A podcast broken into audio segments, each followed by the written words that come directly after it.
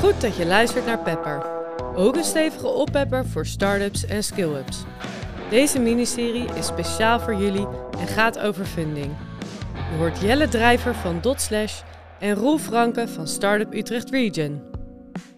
Roel, ja, vandaag eh, eh, zitten we eigenlijk ja, met twee collega's voor jou. Dus Ja. eh, aan jou de eer, stel ze even voor.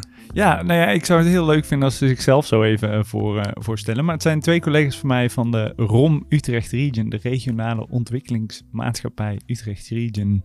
Eh, Bas en Adinda heb ik meegenomen. Dus ja, misschien leuk als we beginnen. dames, dames eerst, zou jij willen voorstellen, Adinda? Yes.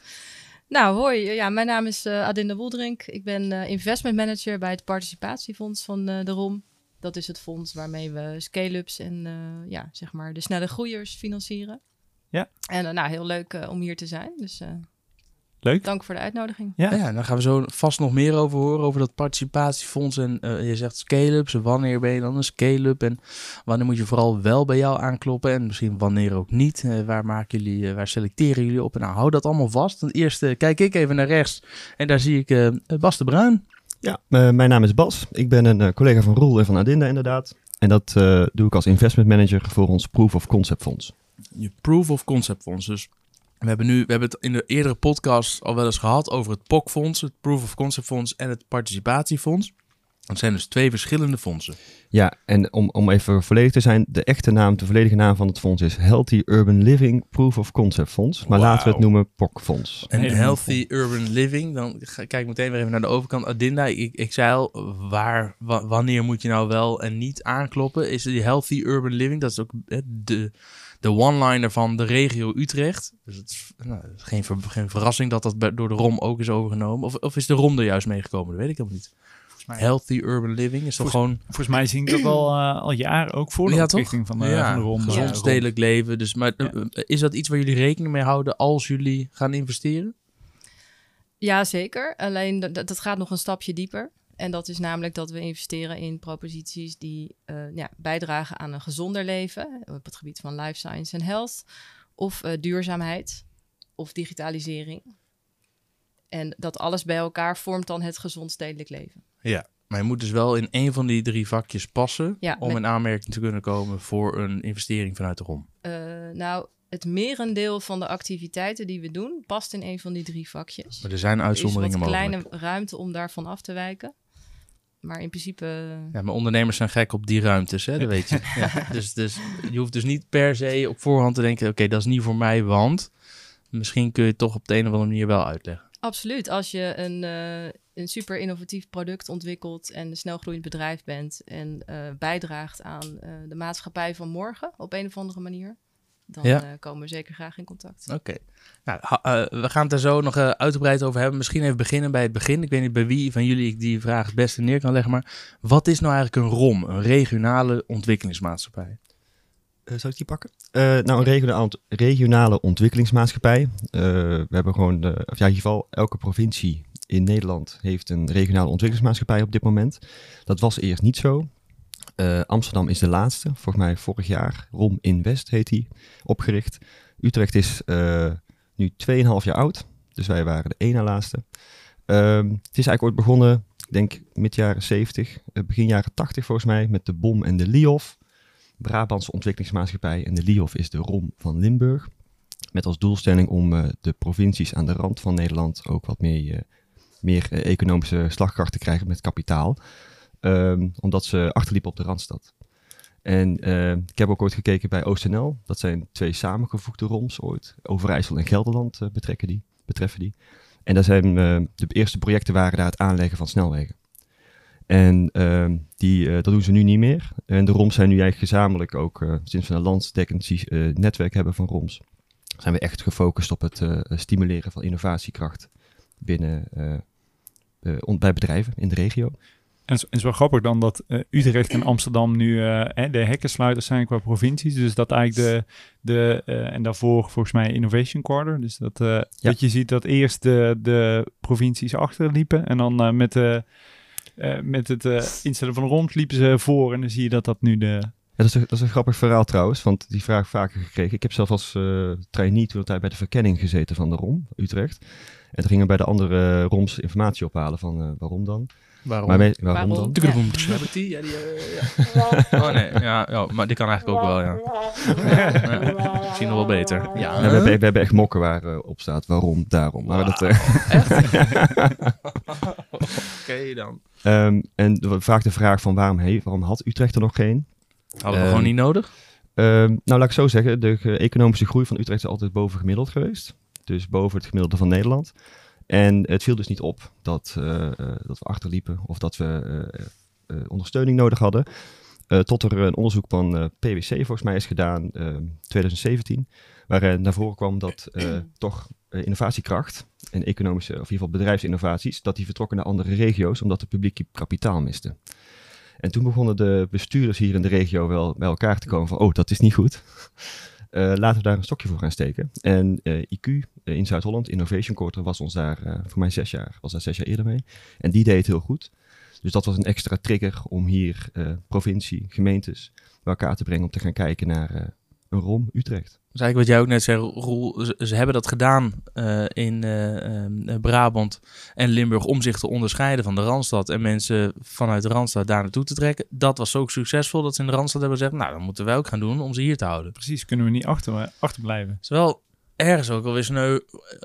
zijn zij die competitive advantage dan nu kwijt? Of zijn zij wel duidelijk een first mover? Want ik heb in alle eerlijkheid ook wel het idee dat de bom wel staat als een huis. Ja, nee, dat, de, ik denk wel dat het een stuk grotere organisaties zijn. Adinda, jij hebt ook nog ooit voor OostNL uh, gewerkt. Die, die organisatie is een stuk groter dan, dan, dan de uh, ROM op dit moment is, toch? Ja, nee, absoluut. Ja, je ziet wel verschil. Dat uh, ROM Utrecht is echt nog een, ja, bijna ook een soort start-up. En de andere, de andere ROMs die staan, ja, die staan inderdaad als een huis. Ja. ja. Ah, jullie, begin, jullie bestaan nu 2,5 jaar, maar 2,5 jaar geleden, vlak na, echt tegelijk met de oprichting ongeveer, klapte de coronabubbel. En jullie zijn volgens mij de eerste twee jaar alleen maar bezig geweest met de COL, de corona-overbruggingslening. En komen eigenlijk pas sinds begin dit jaar echt als een, nou ja, zoals de ROM bedoeld is in actie, toch? Nee, dat, dat denk ik ook. We, ja, inderdaad, de ROMs kregen de corona-overbruggingsleningen um, in hun mik in gedouwd. uh, taakpakket.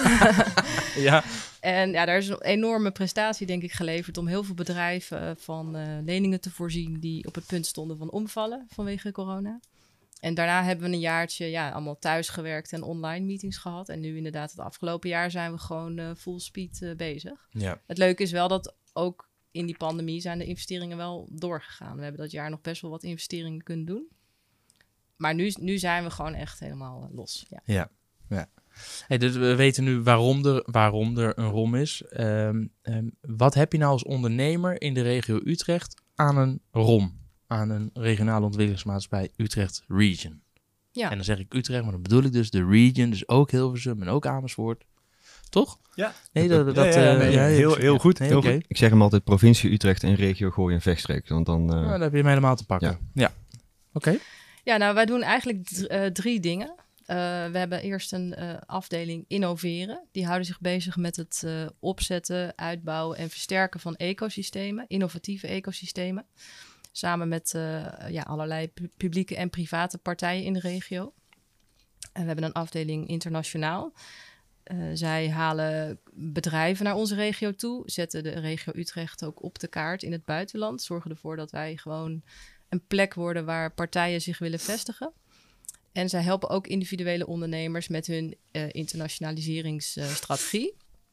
Uh, dus stel je bent een ondernemer en je wil naar, uh, naar, naar Duitsland of naar Engeland. Dan kun je met onze collega's op contact opnemen. En zij hebben een heel groot netwerk met allerlei incentives, handelsmissies. om ondernemers daarmee te helpen. Ja.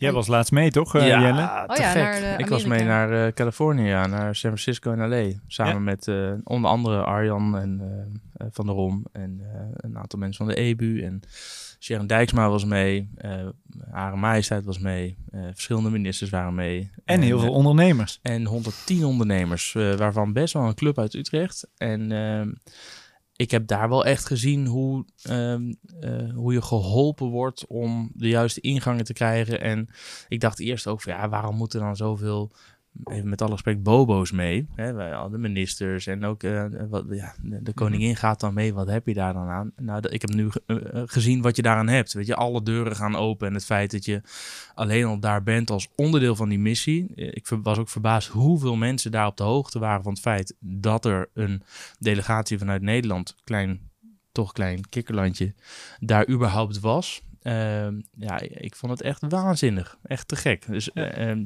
en iedereen vraagt natuurlijk, wat heb je daar dan uitgehaald? Nou, ik heb nu een veel beter beeld van als je naar een ander land wil, maar in dit geval dan specifiek naar Amerika en de regio Californië. Wat zijn dan de ingangen? Wat zijn de loketten? Waar kun je überhaupt terecht? Ik wist helemaal niet dat er een NBSO bestond, een Netherlands Business Support Office, waar je mensen hebt zitten die gewoon betaald krijgen om jou als ondernemer te helpen eh, om daar voet aan de grond te krijgen. Nooit geweten.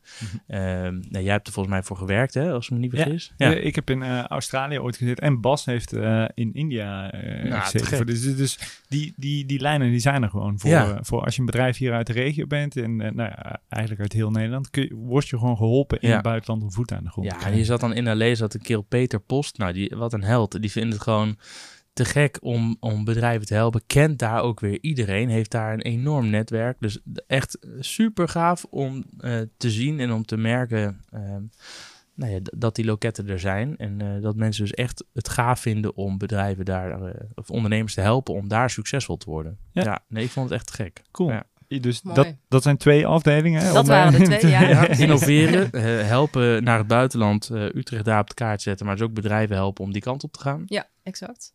Ja, en dan tot slot de afdeling investeren. En wij doen eigenlijk eh, drie dingen. Wij hebben het eh, Investor Readiness programma, waarmee we bedrijven eh, die nog in een vroege fase zijn of die nog op zoek zijn naar product market fit, begeleiden daarin. Om te komen tot een propositie die investeerbaar is. En we, we, we kunnen eigenlijk al vrij vroeg beginnen met het funden van bedrijven vanuit het POC-fonds en eh, vanuit het eh, participatiefonds. En wij zeggen zelf eigenlijk altijd van ja, vanuit investeren geven wij ondernemers toegang tot een eh, professionele, maar ook toegankelijke manier van venture capital funding. Help even. ja, wat versta je daaronder? Nou, ehm, dat wij, ja, wij zijn als ROM vrij toegankelijk. We werken met heel veel partijen samen. En we vinden het heel belangrijk om de ondernemers in onze regio ook te helpen. Dus op die manier ehm, ja, geven we ze toegang tot die, tot die vorm van funding. Maar wat betekent, even, vertaal het dus echt helemaal naar de praktijk. Wat betekent dat dan? Ik ben een ondernemer Ja. en ik bel naar de ROM, dan zijn jullie heel toegankelijk. Maar wat gaan jullie dan doen voor mij? Dan gaan wij eh, kijken of wij eh, jouw bedrijf kunnen financieren. Dat wil natuurlijk niet zeggen dat het altijd lukt, maar we gaan, we gaan daar naar kijken. En we proberen ook altijd wel ondernemers die we niet kunnen financieren, ook eh, ja, zeg maar weg te laten gaan met een, een suggestie of advies. Wat, hoe dan wel, wat dan wel, waar zou je wel terecht kunnen. moet, moet, moet het een beetje zien ook dat eh, iedere keer als er bij ons een bedrijf binnenkomt, dan is het ons een beetje, ja, in ieder geval zie ik onze taak ook een beetje om de ondernemer een klein beetje te ondersteunen van, gaat hij de goede richting in? Maar ook met, eh, als het niet bij ons past, waar zou je dan kunnen kijken? Ja. En eh, wat handvaten geven om verder te kunnen komen. Want uiteindelijk is het doel van de ROM op die drie vlakken die net genoemd zijn door eh, Adinda, is eigenlijk om ondernemers in onze regio eh, meer klaar te maken voor het vervolg in hun, in, in hun carrière als ondernemer. En daar hoort bij eh, weten hoe het, hoe het is om extern geld op te halen. Maar ook te weten hoe het is om in het IRP om een business case zo valide te krijgen dat een investeerder het interessant vindt. En zo proberen we toch in ieder geval dingen door te geven, zodat de ondernemers in onze regio eh, wat standvastiger zijn en wat eh, eh, in ieder geval met beide voeten op de grond staan en beter verder kunnen. Misschien probeer ik het zo even goed uit te Ja. leggen. En, en ook, we geven ook veel onderzoekers, bijvoorbeeld vanuit de universiteit. Die zijn dan eigenlijk te vroeg voor ons, maar die geven we ook heel graag feedback op hun businessplan. Hè, zodat ze dan op het moment dat het, het bedrijf echt opgericht is en eh, meer gaat groeien, dat ze dan ook echt bij ons terugkomen. Ja, misschien is dat wel een, een, een, een mooi haakje om eens te kijken naar in voor welke fase waar je als ondernemer in kan zitten of als bedrijf, kan je nou bij de ROM aankloppen? Want als ik het zo hoor, dan kan het dus eigenlijk al heel vroeg, want jullie hebben het Investor Readiness programma, IRP, waarmee jullie gaan kijken hoe zorgen, wat moet je nou doen om, om te zorgen dat je straks klaar bent om een investering op te kunnen halen. En hebben we het dan over venture capital al? Of kan het ook nog zijn echt early, early stage? Als je nog op de universiteit zit en je hebt een soort side effect van je studie, ben je op iets gestuurd waar je een bedrijf van gaat maken. Dus je bent nog heel vroeg. Wanneer moet ik bij jullie zijn? Ehm, ja, dan, we, krijgen er straks nog één bij namelijk. Dat is vanaf eh, januari. Dat, dat is nog niet eh, helemaal rond. Maar wa- wat ik er al over kan delen is dat we ook eh, de vroege fasefinanciering, die nu nog bij de RVO ligt, dat dat ook vanuit de ROMS, in ieder geval in Utrecht zal dat ook vanuit eh, eh, de ROM Utrecht plaats gaan vinden. Ja. Ehm, dat is wel een fase eerder dan ons POC-fonds. En het is vaak om eh, dingen te proberen. Eh moet er echt wel een goed businessplan liggen. Dat is eigenlijk het belangrijkste. En ehm, ja, niet iedereen zal het krijgen. Dat is dit, dit- vaak voor de meest, in ieder geval als het businessplan zo goed ligt, zo goed staat, zal maar zeggen, dan, dan kun je aanvragen doen voor, voor vroege fasefinanciering. Het is vaak wel dan de eis dat er al echt eh, andere investeerders voor de vervolgronde zijn opgeleid. Bij de vroege fase. Ja, vaak wordt er al wel gevraagd om een LOI. Dus dat er een, eh, oh ja, die had ik al eerder gehoord. Ja. De LOI. Letter of intent. En wat staat er in zo'n letter of intent? F- in ieder geval, een letter, in letter of intent staat dat als een bedrijf of de ontwikkelingen van een bedrijf in een bepaalde fase zijn gekomen, dat er dan serieuzer wordt gekeken naar een investering. En eh, vaak voor de buitenwereld wordt een LOI gezien als dat als we zover zijn en we hebben de, de, die punten bereikt of die, eh, dat echt bereikt, dan, dan, dan heb ik een paar investeerders die zijn serieus geïnteresseerd om eh, te investeren. En, en je noemt de VFF, wat, wat voor, dus de vroege fasefinanciering, wat voor vorm is dat? Wat, wat voor iets is dat? Ja, die, ik had daar nog een, een mail van gekregen, want we, Mhm. we zijn dus nog in de, noem je dat, in de ontwikkelfase met die VFF. Dus ik wil dat wel goed, eh, goed delen. Die pak ik er even bij. Kun je die vraag zo meteen ja, even vasthouden? dus Kom ik die, zo eh, kom ik zo beter. Dus een- eigenlijk zo'n belletje met dat zoeken we op. En dan zo Ja, ding, ja. ding, ding. Ja, Ja, die heb ik niet. Ik heb wel een airhorn. Dus als je zover bent, dan... als je zover bent, dan eh, horen we het graag. Ehm, maar Adina, misschien kunnen we dan, eh, voordat we ehm, eh, daar meer over gaan horen, nog even naar jou. Want Ja. jij zit meer in het participatiefonds, hè? Dus dat, Ja. dan ben je echt al een aantal stappen verder. Dat betekent dat je venture capital geld op gaat halen. En dan doet die venture capitalist doet een deel en jullie doen een deel. Hè? Ja, hoe, klopt. hoe, hoe werkt dat precies? En wanneer moet ik jou dan bellen? Ik probeer Eh, ook een beetje helder te krijgen, want het zijn natuurlijk... eh, we- straks hebben we drie fondsen, vroege fase. Je hebt een POC-fonds en dan heb je participatiefonds. En dan komt er straks ook nog een investor readiness programma, of dat is er al. Het is natuurlijk als ondernemer zijnde best wel een brei van loketten als je niet uitkijkt. Dus ik hoop dat als, we, als mensen het einde van deze podcast halen, dat ze denken, oh, daarom. Wel even goed Ja. om te zeggen inderdaad dat het is een heel eh, veel, een groot palet van verschillende dingetjes en eh, geuren en kleuren zou ik eigenlijk wel zeggen. Maar als je bij ons binnenkomt, bij de deur of via de, via de website, dan hoef je eigenlijk niet daar zorgen om te maken. Wij gaan kijken waar het het beste past. Ja, precies. Dus je mag Ja. altijd bellen, zei ik. Ja. Ben je een Absoluut. ondernemer in de regio Utrecht en dan is dus provincie Utrecht en Gooi en Weststreek en je denkt, ik wil verder, dan mag je altijd contact opnemen met de ROM en dan gaat de ROM altijd kijken, hoe kunnen we helpen? En dat is soms met advies en contacten Ja. en soms met geld. Dat klopt, ja. Oké. En om terug te komen op jouw vorige vraag. Je zou die instrumenten eigenlijk als een soort trein kunnen zien. Dus je hebt de vroege fase financiering. En daarna volgt het POC-fonds. En daarna volgt het participatiefonds. En waar zit dan het Investor Readiness programma? Eh, de- Helemaal aan het begin? daar Ja. nog voor, eigenlijk Ja. in, de, Ja, precies. Ja, Ja. In, in de fase eigenlijk waar de VFF ook eh verstrekt zou kunnen worden. Eh, de IRP zou je kunnen zien in, om de vali, wil ik een, om even toe te lichten nog. Dat is een tien weken programma waarin eh, ondernemers een bepaald, eh, bepaalde methodiek aangeleerd krijgen hoe je je business case kan valideren. Dus een product-probleemoplossing. En hoe je dat kan, om, in ieder geval, eh, kan omze- omzetten eh, naar een interessant businessplan. En dan kijken we voornamelijk naar de validatie. De eerste vier weken zijn het meest intensiefs, intensief. Waarin ondernemers ook echt wordt gevraagd om klanten te gaan bellen.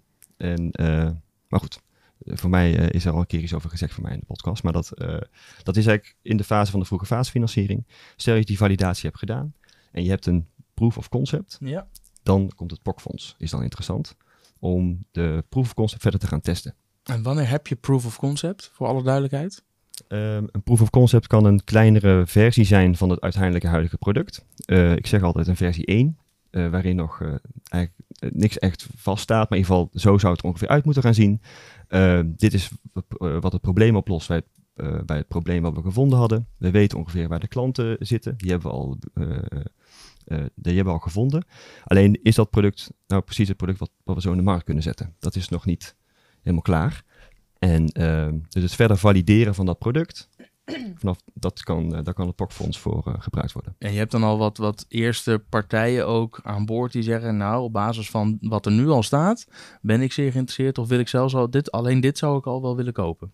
Eh, vaak zijn er al wel early adapters, Ja. noemen we dat. Eh, klanten, Launching customers. Launching customers, Oh, een ja. hoop termen. We kunnen de hele dag wel, we kunnen de hele dag wel doorgaan. Maar een hoop, nou, maar dat is- als je niet in deze scene zit, dan, eh, of je komt net kijken, dan zijn het wel heel veel termen en ook heel veel Engelse, heel Ja. veel afkortingen. Dus Het is goed dat je dat Klopt, zo aanpakt, ja. want eh, voor ons is het eh, de dagelijkse slang. Maar eh, voor een buitenstaander, mijn vriendin soms, die zegt dan ook van, waar, heb je het over? Nou, ik merk bij nieuwe collega's die hier binnenkomen dat die op een gegeven moment ook zeggen, ja, weer zo'n term, wat is dit nou weer? Ja, maar goed.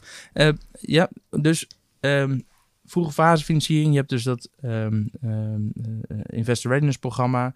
Daarin ga je je product market fit zoeken en valideren. En op een gegeven moment heb je een proof of concept. En dan heb je dus de vroege fase financiering. Ehm, ja, ik, zeg, ik haal hem even voor, om goed te, te verwoorden. De vroege fasefinanciering zouden we eigenlijk net, net iets voor de POC-fonds, eh POC-financiering kunnen zien. Omdat, eh, ik heb hem even erbij gepakt, de mail. Ja, de VFF is dus echt gericht op innovatieve start-ups in, de, in onze regio. En het financiert het, het ontwikkelingstraject dat nodig is om de investeerders te laten instappen. Dus om vervolginvesteerders echt geïnteresseerd te maken. Ehm, Waar zou je dan dat geld bijvoorbeeld voor kunnen gebruiken in de praktijk? Echte ontwikkeling van je product. Of verder, verdere ontwikkeling van je product. Dus Dus, je hebt je staat op een punt waarvan je zegt, ah, ik ben, we, we zijn, we, het idee is goed, we hebben een goed businessplan, het, eh, mensen zijn enthousiast, maar het is er nog niet. Dat, dat Nee. proof of concept, hè, die, dat minimal viable product, zoals het ook, dat is er nog niet. En dat moeten we ontwikkelen, daar hebben we geld voor nodig. Dan kun je terecht bij de vroege fase financiering. Ja, dus eh, het, het, overlapt elkaar ook een beetje, als ik eerlijk ben. Want eh, niet elk fonds, zal maar zeggen, kan het, de vraag aan. En er zijn erg veel goede ideeën in onze regio, dus het eh, overlapt elkaar ook een beetje. Dus met de, dit kan elkaar afwisselen, even duidelijk te zijn. Maar het kan elkaar ook net overlappen. Zoals je hebt, je hebt, je hebt geen vroege fase financiering ontvangen. Dan zou het al vanaf TRL 4, Technology Readiness Level 4, komt er nog een. Mooi, je bent het belletje voor. Ja. Ja. ja. Ja. Ehm, het is eigenlijk het moment, zal maar zeggen, dat er een proof of concept is. Dus Ja. Een, een versie 1. Ja. Ehm, dan zou het POC-fonds kunnen instappen. En de vroege fasefinanciering zit daar net iets voor. Het kan elkaar overlappen. Ehm, eh, ja, maar ik kan het eigenlijk heel ingewikkeld gaan maken. Maar eigenlijk is het, laten we zeggen dat het elkaar net opvolgt. Dat zou Ja. het best. Oké, dus het ene, maar eh, eh, het, een sluit het ander wel uit. Het is niet zo dat je en de vroege fase financiering en eh POC-fonds. Ja, dat ligt ook aan de, de sector waar het bedrijf in zit en wat de ontwikkelingen binnen het bedrijf zijn. Als het gaat om een eh, gezondheidsontwikkeling of een, health propositie, waar vaak de tijdslijn ook veel langer is, dan kan het elkaar dus echt duidelijk eh, eh, opvolgen. Maar bij een, eh, een SaaS-oplossing eh, zijn die runways vaak veel korter. Ja, En SaaS, dan- software as a service. En Ja. runway is de, de tijd die je nog hebt eh, eh, met het geld dat je Ja, beschikbaar Hoe hebt. lang kun je doen met je Ja, geld? ja. En ehm, eh, die zijn dan een stuk korter, dus dan zie je dat het elkaar, elkaar wel vaak overlapt. Oké. En omdat je vaak dan, in ieder geval bij een, een, een, een SaaS-oplossing, is vaak dat we vragen minimaal runway van 12 maanden. Dat wil niet zeggen dat je, stel dat dat zes maanden is, dat je na zes maanden weer opnieuw geld moet gaan zoeken. Ja, dat is een risico natuurlijk. Dat, dat, hoe gaat, gaat dat echt zo snel lukken? Dus je moet meer vragen. Eh, dat, dat is een ander, ja, kunnen we het ook nog een keer over hebben. Je moet meer vragen. Dat is ook Nou iets ja. wat, wat in het Investor Readiness eh, programma goed wordt, duidelijk wordt uitgelegd.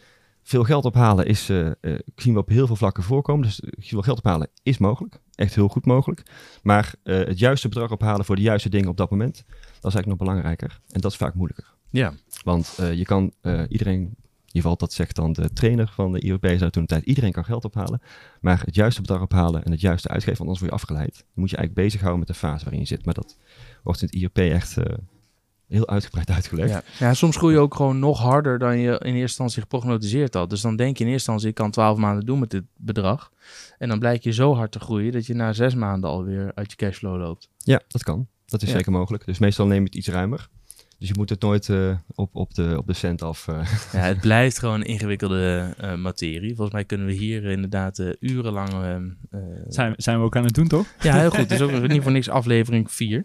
Oké, vroege fasefonds. Ehm, eh, overigens nog even voor de luisteraars. Je denkt, ja, oké, een TRL. ehm, eh, Google even. Dat klinkt Ja. heel flauw, maar dat hebben we in een eerdere podcast ook al aangegeven. Volgens mij in aflevering 1. Er zijn gewoon echt hele mooie schema's voor met eh, een, eh, een, een, een soort golvende lijn die van linksonder naar rechtsboven gaat. Met een paar van die valleys of death ertussen. En wanneer heb je eh, geld nodig en welke vormen van financieringen passen er nou bij welke TRL-level. Dus Google daar vooral even naar. Ja, en ook even tussendoor, als er eh, van de luisteraars vragen zijn, eh aarzel niet om ons te contacten. We zijn, Kan- eh, je kan niet eh, live inbellen. Dat is wel goed om te weten. Dit is, eh, dit is een podcast. Dus eh anders Ja. zouden we, dat Ja, zouden we we kunnen wel nu mensen bellen, Oh, ja. maar we kunnen niet meer als mensen dit op dinsdagochtend, eh, als die net uitkomt, luisteren. Dan kan het niet meer. Nee. Maar als er vragen zijn, dan naar www.romutrechtregion.nl. Oké. Maar ik maak even mijn verhaaltje af Ja. over de vroege fasefinanciering. Eh de ontwikkeling moet binnen 24 maanden zijn afgerond. Dus dat is de, de, daarin moet de, businessplan maar of het plan van aanpak moet binnen 24 maanden afgerond zijn. Het betreft een lening tussen de 50.000 euro en de 350.000 euro. En ook leuk, eh, omdat het natuurlijk ook een podcast is in de aanloop naar Crossroads. Tijdens Crossroads is er de mogelijkheid voor een matchmaking voor de vroege fasefinanciering. En eh, het zal ook bekend worden gemaakt hoe en eh, de aanvragen ingediend moeten worden. Oké, dus ticket size 50 tot 350.000. En wat was er met die 24 maanden? De ontwikkeling moet Ja. binnen 24 maanden zijn afgerond. Oké, en het is een lening. Ja. Percentage al bekend? Nee. Eh, aflossen, de eerste twee jaar niet en daarna wel? Of hoe zit dat? Nee, daar, is nog, eh, daar kan ik nog niks over delen. Oké, maar dat zal dan eh, hopelijk met Crossroads en anders in januari allemaal duidelijk worden. Ja, zeker. En, en, en dan hadden we hier bij aflevering 3 eh Thijs Reiling zitten van de Rabobank, het Startup Scale-up Funds. Die hebben ook ehm, een, een, een fonds waarbij je dit soort bedragen kan ophalen, waarbij je de eerste twee jaar niet hoeft af te lossen. En ehm, eh, daarna moet je het in vijf jaar geloof ik terugbetalen, was- als ik me goed herinner. Waarin, wanneer ga je nou naar de ROM en wanneer ga je naar de Rabobank? Ehm, je kan bij allebei aankloppen. Eh, het verschil is dat de... eh, goed, ik wil Thijs niet in de... In de, de on- Nee, maar zeg gewoon hoe het is. Weet je, Nee, ja, uiteindelijk de een past beter bij de een en de ander bij de ander. Dus Rabobank in de vaststelling is een achtergestelde lening. Tegen een bepaald percentage, wat net al zei. Je kan hem eh, gedeeltelijk kun je hem ontvangen. Dus 75.000 euro krijg je meestal direct. En de andere 75.000 euro kun je eh, raadplegen als je dat nodig hebt. Of je kunt hem direct al pakken. Dat is ook een andere manier van terugbetaling volgens mij. Eh, lange adem. En ehm, eh, bij de, als je bij ons geld aanvraagt, zijn wij meer betrokken investeerders. Wij zijn echt investeerders, zal maar zeggen. Dus wij, het liefst zouden wij gelijk in aandelen willen investeren. Ehm, dat we dus ja, ook de upside, zal maar zeggen, van de investering zouden kunnen eh, terugverdienen. Maar dat is in dit geval niet zo, toch? Bij die vroege fase. Bij die vroege fasefinanciering niet, nee. Nee. Nee. Oké. En later wel. Ja, bij het POC-fonds en eh het participatiefonds zeker Ja. eh, is het een het Oké. gaan om een aandeleninvestering. Nou, dan gaan we naar de overkant van de tafel. Daar zit Adinda. Adinda, hoe zit dat? Op een gegeven moment ehm, eh, heb ik, eh, eh, ben ik wat verder met mijn bedrijf en ik heb eh, serieus geld nodig, grotere bedragen. Bij wat voor bedragen kom ik bij jou terecht? Ja, nou dat, ehm, dat begint ongeveer bij een financieringsronde van 750.000 euro. En dat heeft ermee te maken dat de ROM ongeveer een derde van de ronde doet. En met, dat is minimaal 250.000 euro. Minimaal een derde doet erom. Eh, ja,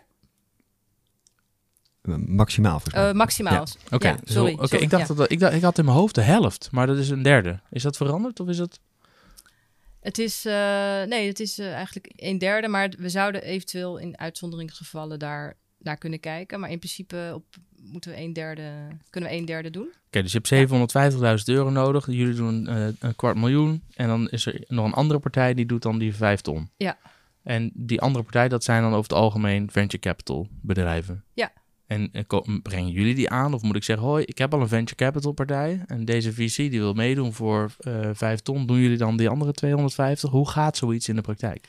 Ja, dat is, een, dat is een heel makkelijk scenario voor ons. Want dan kunnen wij gewoon kijken, willen we hierbij aanhaken of niet? Eh, in de praktijk is dat wel wat weerbarstiger. En zijn ondernemers vaak eerst met ons in contact. En, ze- en gaan ze daarna op zoek naar cofinanciering, zoals we dat noemen. Eh, en wij kunnen ze ook helpen daarbij. Als we echt geloven in de propositie, kunnen we ook eh, actief daarin meewerken. Eh, ja, dat, dat, kan op allerlei verschillende manieren. Maar het is sowieso fijn als we vroeg in contact komen met ondernemers. Wat is het meest gangbaar? Om, qua moment bedoel je? Nou, ik ben een ondernemer en ik klop bij de ROM aan. En dan zeg ik, hoi, ik heb nu eh 7,5 ton nodig of een miljoen. Ja. Ehm, is het dan vaak zo dat ik bij jullie kom en jullie gaan adviseren en kijken van, hey, we hebben in ons netwerk verschillende VC's. Misschien eh, zou je Peak eens moeten bellen of misschien moet je Arches of misschien moet je, hè, dat, je dat jullie die, die links gaan leggen ook of dat jullie gaan helpen juist om zo'n VC te vinden. Of ik probeer even een beeld te krijgen, wanneer moet ik jullie bellen en wat gaat er dan gebeuren daarna? Nou, je kan ons eigenlijk al vrij snel bellen. Zodra er een businessplan is, dan kunnen we daarover in gesprek. Ehm, we laten het, het benaderen van de investeerders wel echt bij de ondernemers liggen. Dus we kunnen wel suggesties doen. Eh, en de ondernemer gaat dan zelf in gesprek met andere partijen. En op het moment dat er dan bijvoorbeeld een consortium is en we missen net nog een, een bepaald bedrag en we hebben daar nog een derde partij voor nodig, dan kunnen we wel met elkaar eh, heel actief gaan zoeken naar een derde partner.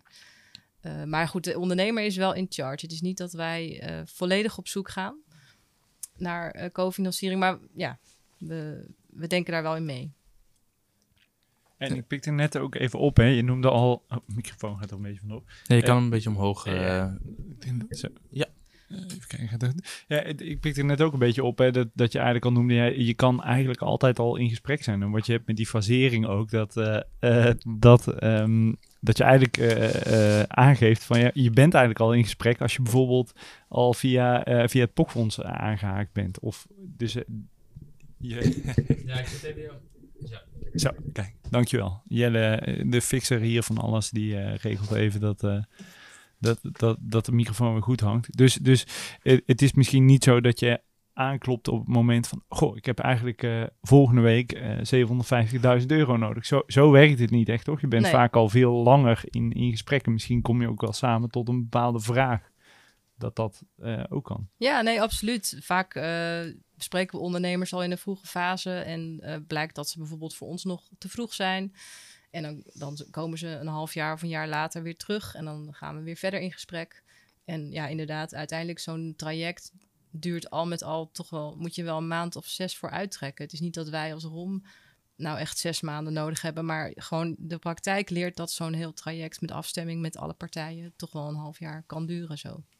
Ja, en, en want ik krijg vanuit Startup Utrecht best vaak de vraag van ja, goh, wat is nou het juiste moment om eh, investeerders eh, te benaderen? Moet ik hier niet mee wachten tot mijn idee nog rijper is? Of, maar dat is dus eigenlijk niet zo, hè? Ja, nou, daar zijn de meningen wel over verdeeld. Want er zijn ook, uh, kijk, je hebt ook maar één eerste indruk. En uh, ik, ik, denk dat wij als ROM daar wel wat coulanter in zijn. Want wij hebben gewoon We moeten de bedrijven in onze regio gewoon leren kennen. En die leren we gewoon al in een hele vroege fase kennen. Als het misschien allemaal nog niet helemaal perfect is. En dan groeien ze langzaam door. En een paar jaar later spreken we ze weer. Maar ja, je kan ook wel je eerste indruk. Um, om, ja, hè, kun, je kan een verkeerde eerste indruk achterlaten. als je met een, met een minder goed verhaal bij investeerders langskomt. Dus het is altijd een beetje zoeken van. Dus ja, maar als ik het zo, als ik, als ik Bas zo hoor, dat je kan dus vanaf uh, helemaal aan het begin met een idee al aankloppen bij, bij de, de ROM. ROM. zeker, ja. Ja, ja. ja uh, want uh, het zou raar zijn als je bang moet zijn dat je bij de ROM een Nee. verkeerde eerste indruk maakt. Dat is dus niet het geval. ja, nee. oké. Okay, nou, goed, Nee. misschien om dat eh, nog wel even te benadrukken. Ja. Want de indruk kreeg ik bijna. Dat je dus ook bij de ROM moet oppassen dat je wel de goede eerste indruk achterlaat. Eh, Volgens mij moet je je juist Nee. heel vrij voelen om altijd waar je ook staat bij de ROM aan te kloppen. En de, Ja. de ROM gaat je helpen met je meedenken, shapen, et cetera. En gaat dan misschien wel zeggen, joh, deze pitch, eh, ga nog even terug eh, eh, naar de tekentafel en probeer het volgende week of over twee weken nog eens een keer. En dan willen we misschien wel doorsturen. Maar die, die ruimte moet er volgens mij juist zijn, toch? Nee, absoluut. Dus bij ons kun je altijd aankloppen. Alleen, ik hoorde Roel net zeggen van... Ja, wat is nou het moment waarop je investeerders gaat benaderen? Ja, maar daar, ik zie jullie ook als een investeerder in dit verhaal. ja, alleen ik denk dus dat je bij ons eh, gewoon altijd kunt aankloppen. En bij, eh, als je zeg maar het breed gaat uitzetten... dat je wel echt met een goed verhaal moet komen. Goed voorbereid en... eh, Komt, Ja. ook, komt ook regelmatig voor dat we een eh, slide deck toegestuurd krijgen. Dan hebben we al vaker contact gehad met de ondernemer of ondernemer. En die vraagt dan aan ons, kun je een keer meekijken? Want eh, we hebben dan een richtlijnen pitch deck, wat, ik wat regelmatig verstuur, waarin een twaalf slides staan, waar, eh, met de informatie die daarin eh, in moet. En het moet, vaak, moet va- vaak gaan om triggeren. Dus je moet, krijgen heel veel pitch decks per jaar te zien. En dan, jij moet ervoor zorgen dat een investeerder daar, eh, daar happig naar is, zal maar zeggen, die het in- interessant vindt. En wat we dan wel doen, niet heel vaak, maar als we dan een ondernemer een beetje zien struggelen, ik heb het afgelopen weken ik al een aantal keer gedaan, dat ik even meekijk naar het pitch deck. En dan weer terugsturen op, kijk hier eens naar, let hier eens op. En ehm, eh, te proberen we ook op dat, dat vlak een beetje eh, een bijdrage te leveren, inderdaad. Ja. Maakt dat ook onderdeel uit, sorry, eh, van het eh, ehm, Investor Readiness programma of juist dat, eh, dat, dat, dat, dat- ja, dat, dat tien weken programma dat je eh, uitlegt daarover hoe maak je nou een goed pitch deck en hoe geef je een goede pitch? Het, het, dat is niet de kern van, de, van het IRP, maar het komt wel voorbij. Dus ehm, along the way, along die tien weken, is het wel dat je soms een presentatie moet geven over je ontwikkelingen. Maar ook het traject wat je hebt gevolgd, dat dat een beetje het naslagwerk is van, de, van die tien weken. En daar zie je al een beetje die structuur in terugkomen. Wat zijn nou plekken waar je, waar je dat soort skills kunt ontwikkelen? Waar kun je dat nou leren? Want het is zo belangrijk om een goed pitch deck te kunnen maken, om goed te kunnen pitchen, maar ook te moeten weten hoeveel geld ga je nou op welk moment vragen, Eh, welke vormen en varianten zijn er allemaal, Ehm, waar, waar kun je dat nou het beste leren? Heb je daar heb je eh, tips voor ondernemers? Zijn er boeken die, dat, die daar heel duidelijk in zijn? Ja, voor mij een, een boek wat hier recent besproken is. Daar, eh, Startup funding, Ja, ja, van, het al eh, van Thomas. Mensink onder andere. Ja. En ehm, ik heb zelf recent een, een, een boek gelezen, Entrepreneurial Finance, waarin eigenlijk vanuit de investeerderskant het verhaal wordt bekeken. Het is eigenlijk gewoon een lesboek, dus het niet tekenen daarvan ga ik lekker op mijn zondag een lekkere roman. Nee, dat is absoluut niet. Dat is gewoon werken. ja. En, maar wel heel interessant om te zien hoe dat vanuit de investeerderskant eh, wordt bekeken, maar Ja. ook vanuit de ondernemerskant natuurlijk. En in de praktijk gewoon eh, eh, oefenen? Ja, Ja. oefenen is denk ik altijd belangrijk. Hè? Dus, dus er worden, worden door het jaar heen best vaak pitch-competities georganiseerd. Of competities, gewoon pitch-events. Ik denk dat het als je, als je er klaar voor bent om, om te pitchen, dat, je dat, dat het altijd goed is om te doen. Wel in oogschouw nemende wat je uit zo'n pitch haalt. Dat hoeft niet altijd te zijn van, goh, daar loop ik weg met een investering. Maar ik zie wel dat degenen die hebben gepitcht bij bijvoorbeeld events van Startup Utrecht... eh, gedurende de, eh, dat ik ze bijvoorbeeld anderhalf jaar, twee jaar heb gezien, die pitch steeds verder eh, eh, eh, verscherpen, steeds, eh, steeds Ja. verder verbeteren en steeds de, eh, eh, meer to the point komen op welke informatie eh, ze eigenlijk delen.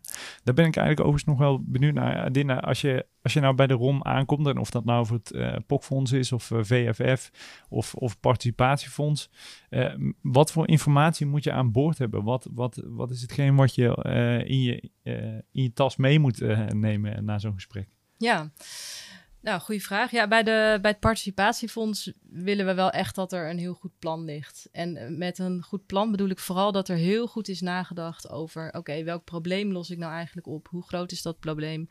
Wie is nou precies mijn klant? Hoe groot is die markt? Met welk team ga ik dit doen? Hoe ga ik mijn technologie beschermen? Welke strategie eh, volg ik om de markt te veroveren? En daar moet echt goed over nagedacht zijn zodat er een, een verhaal ligt waarvan we denken van nou, we denken dat het wel heel erg aannemelijk is dat de ambitie van deze ondernemer ook gewoon haalbaar is en, en dat hij dat gaat realiseren. En Ik, ik zou daarbij ook altijd goed kijken naar wat voor investeerder je je pitch deck stuurt. Ehm, ik wil er ook even aanvullen op wat Roel net zei. Een, een, een, een- ja, je hebt verschillende vormen van een pitch deck. Ehm, je kan als je een pitch zelf geeft, dan moet je niet je pitch deck gebruiken wat je naar een investeerder hebt gestuurd. Ehm, vaak als je een pitch geeft, met Roel samen nog een pitch training gegeven bij eh, FC Utrecht. Was, eh, maar dat, dat, daar zag je direct dat iedereen zijn pitch deck erbij pakt of zijn businessplan. En die begon daar daarmee die slides te vullen.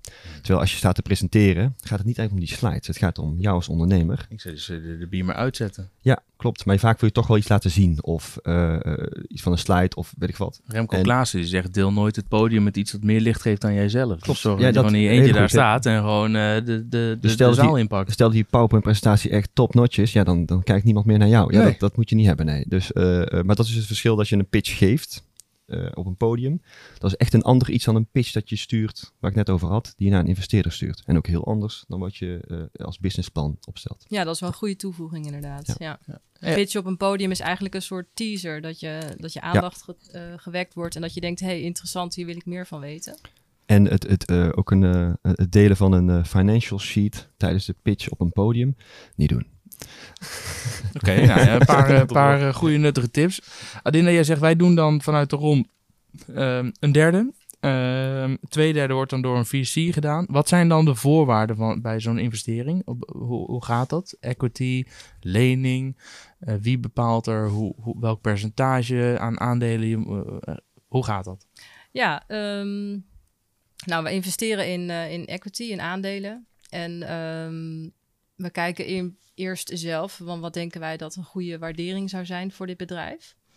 Uh, wat vinden wij hier zelf van? Maar uiteindelijk de, zeg maar de, de co-investeerders, die, die valideren voor ons de waardering. Dus, dus diegene, die partij die die twee derde doet, die gaat de echte validatie, due diligence, et cetera, uitvoeren en jullie gaan daarin mee? Nee, nee, nee, zo bedoel ik het niet. Um, voor ons is het feit dat een, een private investeerder wil investeren in een bedrijf tegen waardering X, ja. dat is een teken dat als wij daarop meedoen, dat wij ook marktconform handelen.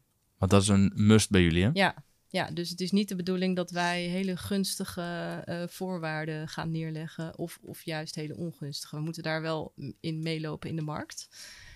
Um, ja, en uh, ja, we, we, gaan, we stellen gezamenlijk een termsheet op met de co-investeerders meestal. En uh, bepalen dan op welke manier we met elkaar deze investering willen doen in aandelen. En ja, verder handelen wij ook als een als een marktpartij, als een visie. En wordt er dan een, een, een nieuwe entiteit opgericht die dan samen 100% heeft en jullie hebben weer een derde in die entiteit? Of is het, uh, uh, jullie hebben een derde en die visie heeft twee derde? Dat wordt gewoon, jullie stappen samen uh, los van elkaar in? Nee, gezamenlijk. Ja, want het, er, er ligt een plan. Kijk, je moet het zo zien, er ligt altijd een plan onder. De ondernemer heeft een groeiambitie. En daar is een plan voor geschreven. Van dit is wat ik de komende tijd wil doen. En daar heb ik een bepaalde investering voor nodig. En daarmee ga ik mijn bedrijf laten groeien. Nou, en dus je investeert met elkaar op zo'n plan, samen met alle partijen. En dat is ook het moment dat je dus tegelijkertijd uh, het bedrijf van financiering gaat voorzien, zodat het, ja, de, de plannen waargemaakt kunnen worden. En wordt dat geld dan in één keer gestort of werk je dan met milestones? Dat je, je moet, als je uh, X bereikt, dan krijg je weer een, een deel van dat geld? Ja, als het uh, grotere bedragen zijn, dan werken we wel altijd met milestones. Ja. En die worden dan door jullie bepaald of samen met die ondernemer? Nou, dat doen we meestal wel samen met de ondernemer. Want het moeten wel natuurlijk haalbare milestones zijn. Dus dat, dat gaat in overleg, ja. Maar wel, die zijn bedoeld om ja, steeds met elkaar in te checken van... hey, zitten we nog op de goede weg om dat plan, waar we uiteindelijk op investeerden... om dat met elkaar te gaan realiseren. En along the way blijven jullie ook adviseren en, en partneren? Of als eenmaal het geld is overgemaakt en je bent eruit met elkaar, dan is het dan daarna gewoon vooral aan die ondernemer? Of zijn jullie ook een strategische partner? Uh, nee, we hebben heel graag uh, regelmatig contact met ondernemers. Dus zeg maar één keer in de maand of één keer in de twee maanden. Dat kan informeel zijn, maar je hebt ook formele aandeelhoudersvergaderingen. Ja. Want ja, ik had het net over dat plan en die ambitie. Maar natuurlijk, zoals we allemaal weten, wijzigen er ook een heleboel dingen. Hè, dus uh, op het moment dat er dan iets gebeurt waardoor een ondernemer een bepaalde keuze moet maken, dan ga je met elkaar daarover in, gesprek en over sparren van wat is nu de, de juiste richting. Dus wij zijn wel, uh, ja, ook gewoon wel actief betrokken. En we kijken vooral ook van waar kunnen we ons netwerk nog inzetten om die ondernemer verder te helpen met het probleem waar die tegenaan loopt. Ja. Ik bedoel het niet flauw, hè? maar als je zegt actief betrokken, is het om regelmatig de thermometer erin te steken. En hey, hoe gaat het met onze investeringen? Gaat dat wel geld opleveren en krijgen we dat ooit nog terug? Of is dat actief betrokken in hoe gaan we deze ondernemer helpen om die doelstellingen te behalen? Nou, in eerste instantie, ja, gewoon het laatste uiteraard. Kijk, we, we, je wil met elkaar gewoon dat het bedrijf succesvol wordt. Dat wil het managementteam, dat willen wij en, en daar ga je voor. En je spreekt ook van tevoren met elkaar af uh, hoe vaak je met elkaar uh, daarover in gesprek gaat, hoe vaak je updates, meetings met elkaar hebt. Dat spreek je allemaal van tevoren uh, tijdens het closen van de investering, spreek je dat met elkaar af. Dus het is niet zo dat wij wekelijks gaan zitten bellen van hoe staat het ervoor. Nee, je spreekt gewoon met elkaar af van oké, hoe vaak spreken we elkaar, welke onderwerpen bespreken we dan, wat updaten we dan. Um, op welke manier vindt er een rapportage plaats? Dat is bij ons vier keer per jaar bijvoorbeeld. En wat, wat voor onderwerpen bespreken jullie dan tijdens zo'n... Wat zijn nou typisch dingen die je uh, tijdens zo'n meeting vraagt aan of bespreekt met die ondernemer? Nou, uh, in eerste instantie, als er nog een technologie in ontwikkeling is, uh, hoe, hoe gaat dat? Um, zijn er nog de juiste mensen aan boord? Zijn er nieuwe mensen nodig die geworven moeten worden? Zijn er mensen die die uitvallen. Um, hoe loopt het met, uh, ja, met de sales bijvoorbeeld? Hoe gaat het daarmee? Uh, waar, loopt, waar loopt de ondernemer tegenaan? Uh, ja, vaak ook over ja, problemen die optreden en hoe kun je die met elkaar zo snel mogelijk weer oplossen. En dan tot slot nog de financials. Ja, zoveel nieuwe klanten komen erbij, hoeveel vallen eraf? Eh, hoe, hoe- hoeveel terugkerende omzet heb je? Eh, je hebt een plan gemaakt, lig je op schema? Eh, heb je nog steeds eh, de juiste poppetjes op de juiste plek zitten? Dat zijn eigenlijk dingen die je als ondernemer waarschijnlijk toch al zelf ook continu in de gaten houdt en bespreekt. Ja, Eh, maar die deel je dan een aantal keer per jaar ook met, Ja. in dit geval, je investeerders, deels de ROM en deels een venture capital partij. Ja. En, en, en ehm, ja, die waardering die wordt dus door jullie gedaan en door die VC. En die leggen jullie, die bespreken jullie met elkaar en dan kom je gezamenlijk met een voorstel. ja dat kan. eh, ja, soms, soms heeft de visie al een voorstel gedaan. eh, soms doen we dat in gezamenlijkheid. Dat kan eigenlijk allebei. Het is vanaf 7,5 ton. Ja, ons het minimale ticket is 2,5 ton. Ja, maar dat is een derde van Ja, die 7,5. Exact. Ja. Ja. En dit, dit is wel, zeg maar, ik krijg hier vanuit Startup Utrecht Region ook wel eens vragen over, hè, over die wa wa waarderingskwestie. Dat blijft altijd een, een lastig verhaal. En, eh, Ja. en ik, ik zie, je begint ook, dit, dit is gewoon ook een beetje de crux volgens mij van, eh, van, van eh, ja, een, s- een stuk van een lastig verhaal. Hoe zou je, wat zou je nou een, een ondernemer kunnen adviseren die, die daar is mee begint. Die, die, die zich eigenlijk afvraagt, joh, ik wil wel met een eh, investeerder eh, gaan praten. Maar ik heb eigenlijk geen idee, wat, moet dit nou waard zijn? Wat, en en waar, waar begin je? Is daar een tip voor? Of vraag ik dat niet nu aan de juiste persoon? Of vraag ik, eh, wa- waar kun je beginnen als ondernemer? Ja, ik denk door, toch door, door ja, bij veel partijen te achterhalen wat zij denken dat jouw bedrijf waard is. En ehm, ik denk dat je daar op een, op een gegeven moment wel een soort middenweg in, in vindt en een soort range kunt ontdekken. Hè, dat investeerders jouw bedrijf op een bepaalde manier waarderen. Ehm, eh, bij hele vroege fase start-ups is er helaas geen hele objectieve methode om ze Nee, tegen de tijd je bij het waarderen. participatiefonds terechtkomt, dan ben je al wat verder. Dan heb je al wel wat meer tractie. En dan is het al makkelijker te voorspellen dan eh, wanneer je echt nog in de, in de early stage zit, eh, Ja. in die vroege fase. Dan zie je ook vaker dat het meer met converteerbare leningen wordt gewerkt, waarbij je nu al geld krijgt, maar pas in de toekomst gaan we kijken. ehm, je krijgt nu al geld en we gaan over twee jaar of over drie jaar, eh, op moment X bepaal je samen, gaan we kijken wat dat geld nou eigenlijk met terugwerkende kracht waard zou zijn als je het makkelijker kan waarderen. Maar tegen de tijd dat ik bij jouw loket kom, dan is die waardering toch al wel makkelijker te doen en ook wel makkelijker dan in de vroege fase. Ja, nou, dat hangt er vanaf. Het makkelijkste is op het moment dat er al omzet is. Hè, dan, dan zijn er hele duidelijke methodes om te waarderen. Eh, als er nog geen omzet is, ja, dan is het een, een inschatting van... oké, wel, hoe, hoe denken we dat die groei gaat lopen? Hoe hard gaat het bedrijf groeien? En als je het dan terugrekent, wat zou dan nu een reële waardering zijn? Ik had eigenlijk niet verwacht dat ik zonder omzet überhaupt al bij jullie kon aankloppen, maar dat jullie investeren dus ook al pre-revenue. Eh, nou, dat hangt heel erg van de sector af. Zelf investeer ik in bedrijven in de life science en health. Ja, daar ko- daar komt geld pas veel later weer terug. En daar, ja, Ja. dus bijvoorbeeld eh biotechbedrijven die maken de eerste 15 jaar geen omzet. Nee. Ehm, ja, dus, dus het hangt heel erg van af. Maar bij de, andere, bij de andere sectoren willen we graag wel al wat tractie zien. Maar bij zo'n biotech, medtech is dat gewoon simpelweg niet, eh, niet realistisch om dat te vragen. Nee. Waar komt jullie geld eigenlijk vandaan? Jullie hebben eh, eh, een- budget om mee te investeren. Ja, wij investeren met publiek geld. Dus ehm, eh, vanuit het ministerie van Economische Zaken, ehm, de provincie Utrecht en ehm, gemeentes uit, de uit, de, uit de regio Utrecht. En die hebben gezamenlijk geld in ons fonds gestort en daarmee investeren wij. En het idee is dat we daar ja, dan op een gegeven moment ook rendement uithalen. Waar, en dat we daarmee weer het fonds op peil kunnen houden, zodat we weer andere ondernemers kunnen helpen. Oké. En, en hoe, hoe noem je zo'n eh, term? Eh, hoe noem je dat als term? Revolverend heb ik wel eens gehoord. Is dat wat daarmee bedoeld wordt? Eh, ja, die term heb ik eigenlijk nog nooit zo eh gebruikt. nee? Maar revolverend, het- ja. Het, eh, we rekenen bepaalde eh, rente voor onze eigen kosten, maar ook eh, de inflatie. Ik denk dat dat nu een beetje opnieuw bekeken moet gaan worden. Maar dat we met die eh, bepaald rendement dat we eruit willen halen, dat we daarmee er willen voor willen zorgen dat het fonds op hetzelfde niveau blijft. Qua dus hoeveel geld erin zit. Want hoe- hoe groot is jullie team met de ROM?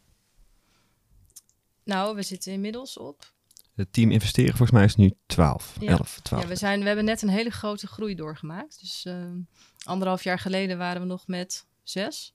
En nu zijn we met twaalf. Dus we zijn verdubbeld. En is het En, aantal investeringen dat jullie gedaan hebben ook verdubbeld inmiddels? Nou, die mensen, die, eh, zeg maar, die nieuwe collega's zijn allemaal ongeveer het afgelopen half jaar eh, gestart. Dus eh, dat is nu nog niet het geval. Maar dat is natuurlijk Gaat wel gebeuren, ja, is wel dat de ambitie. ja, Ja. absoluut. Ja. Ja. En hoeveel investeringen zijn er eh, ongeveer gedaan? We hebben nu 15 investeringen gedaan vanuit de fondsen van de ROM. En In dat totaal? ja, totaal, ja. Oké. Ja, dus we zijn wel eh, ja, lekker op dreef al. Hoeveel ondernemers zitten er in jullie team? Mensen die succesvol bedrijven groot hebben gebracht, verkocht hebben, zelf ooit geld op hebben gehaald. Z- zitten die überhaupt in het team? Of zijn het vooral financials? Eh, Nou, ik heb toevallig laatst daar een onderzoekje naar gedaan. eh, naar onze teamcompetenties. Dus er zitten geen eh, echte financials in ons team. Eh, maar wel bijna iedereen heeft wel een achtergrond in ja, zeg maar bedrijfskunde, bedrijfseconomie of een innovatiegerelateerde studie. En ongeveer eh, de helft is wel betrokken geweest bij het oprichten van een commerciële entiteit. Maar wat jij omschrijft van eh, hè, dat grote bedrijven succesvol hebben verkocht en zo, nee, dat, dat niet. Nee. Maar ik denk dat we wel met z'n allen wel, ehm, ja, we- iedereen heeft wel een achtergrond in ondernemerschap, innovatie. En ehm, is daar zelf ook heel actief in. welk, welk voordeel heb ik als ondernemer? Even, ik kan natuurlijk ook gewoon naar een venture capital partij gaan en daar pitchen. Waarom moet ik toch overwegen om dat via de ROM te doen en te zorgen dat de ROM voor een derde meedoet en die andere twee derde bij een VC? Wat is het voor mij de, de, de, de- het voordeel van het aan boord hebben van een ROM, Bas? Eh, we, we hebben een langere adem. En het is, langere adem houdt in dat sommige fondsen hebben een, een, een sluitingstijd. Eh, meestal 1 tot 7 jaar, waarin de, eh, het rendement eh, terug moet komen.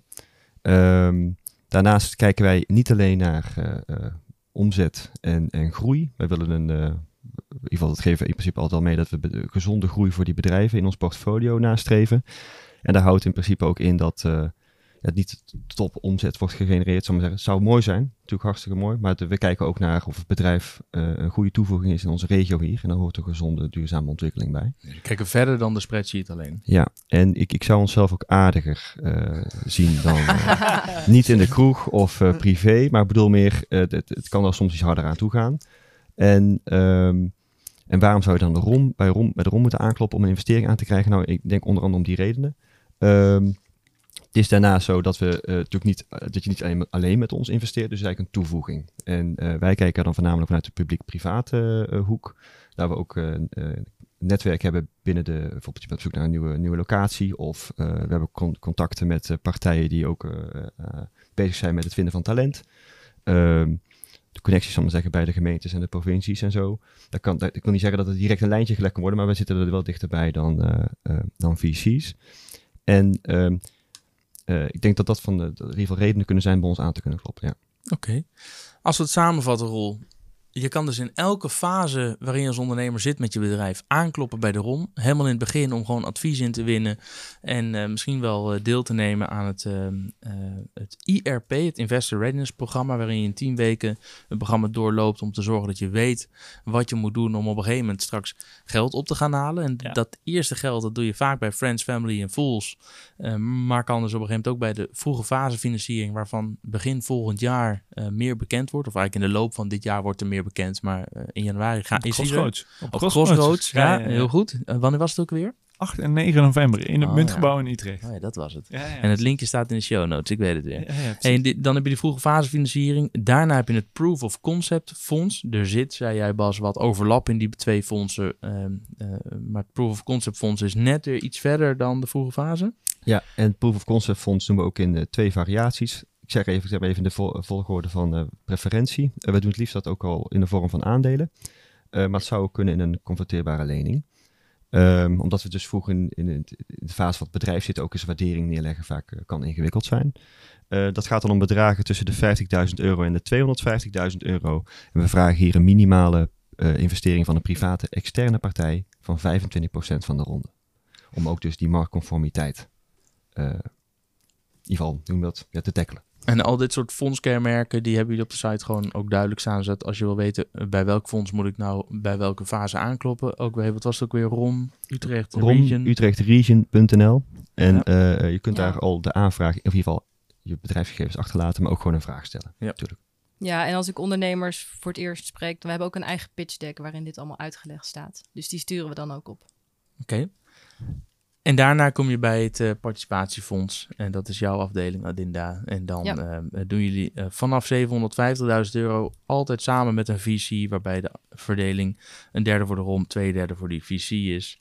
Ehm, richtlijnen voor pitch decks van de ROM. Jullie hebben daar een richtlijn, richtlijnen voor op de site staan. Dan zal ik ook kijken of we die in de show notes kunnen toevoegen. En de drie dingen waar jullie als ROM op focussen. Dus innoveren, mensen bedrijven helpen om het buitenland in te gaan, Utrecht daar op de kaart te zetten. En waar we het vandaag over gehad hebben, investeren. Ja. Ja. Wat, Ja. wat een goede samenvatting. Oh, dank je. Ja. Ja. Dat stukje moeten we er even uitknippen. stukje moeten we er even uitknippen. Kunnen mensen zo eh, meenemen eh, in een koffer. eh. Heel goed. Ik wil ook even aangeven dat we niet eh, alles hebben kunnen tackelen. Dus als er echt vragen zijn, aarzel niet om naar de website te gaan. Eh, Ja. We zitten voor jullie klaar. Heel goed. Is er iets waarvan jij zegt, nou, daar begrijp ik nog helemaal niks van. Dan zitten we hier en dan vragen ze dat niet.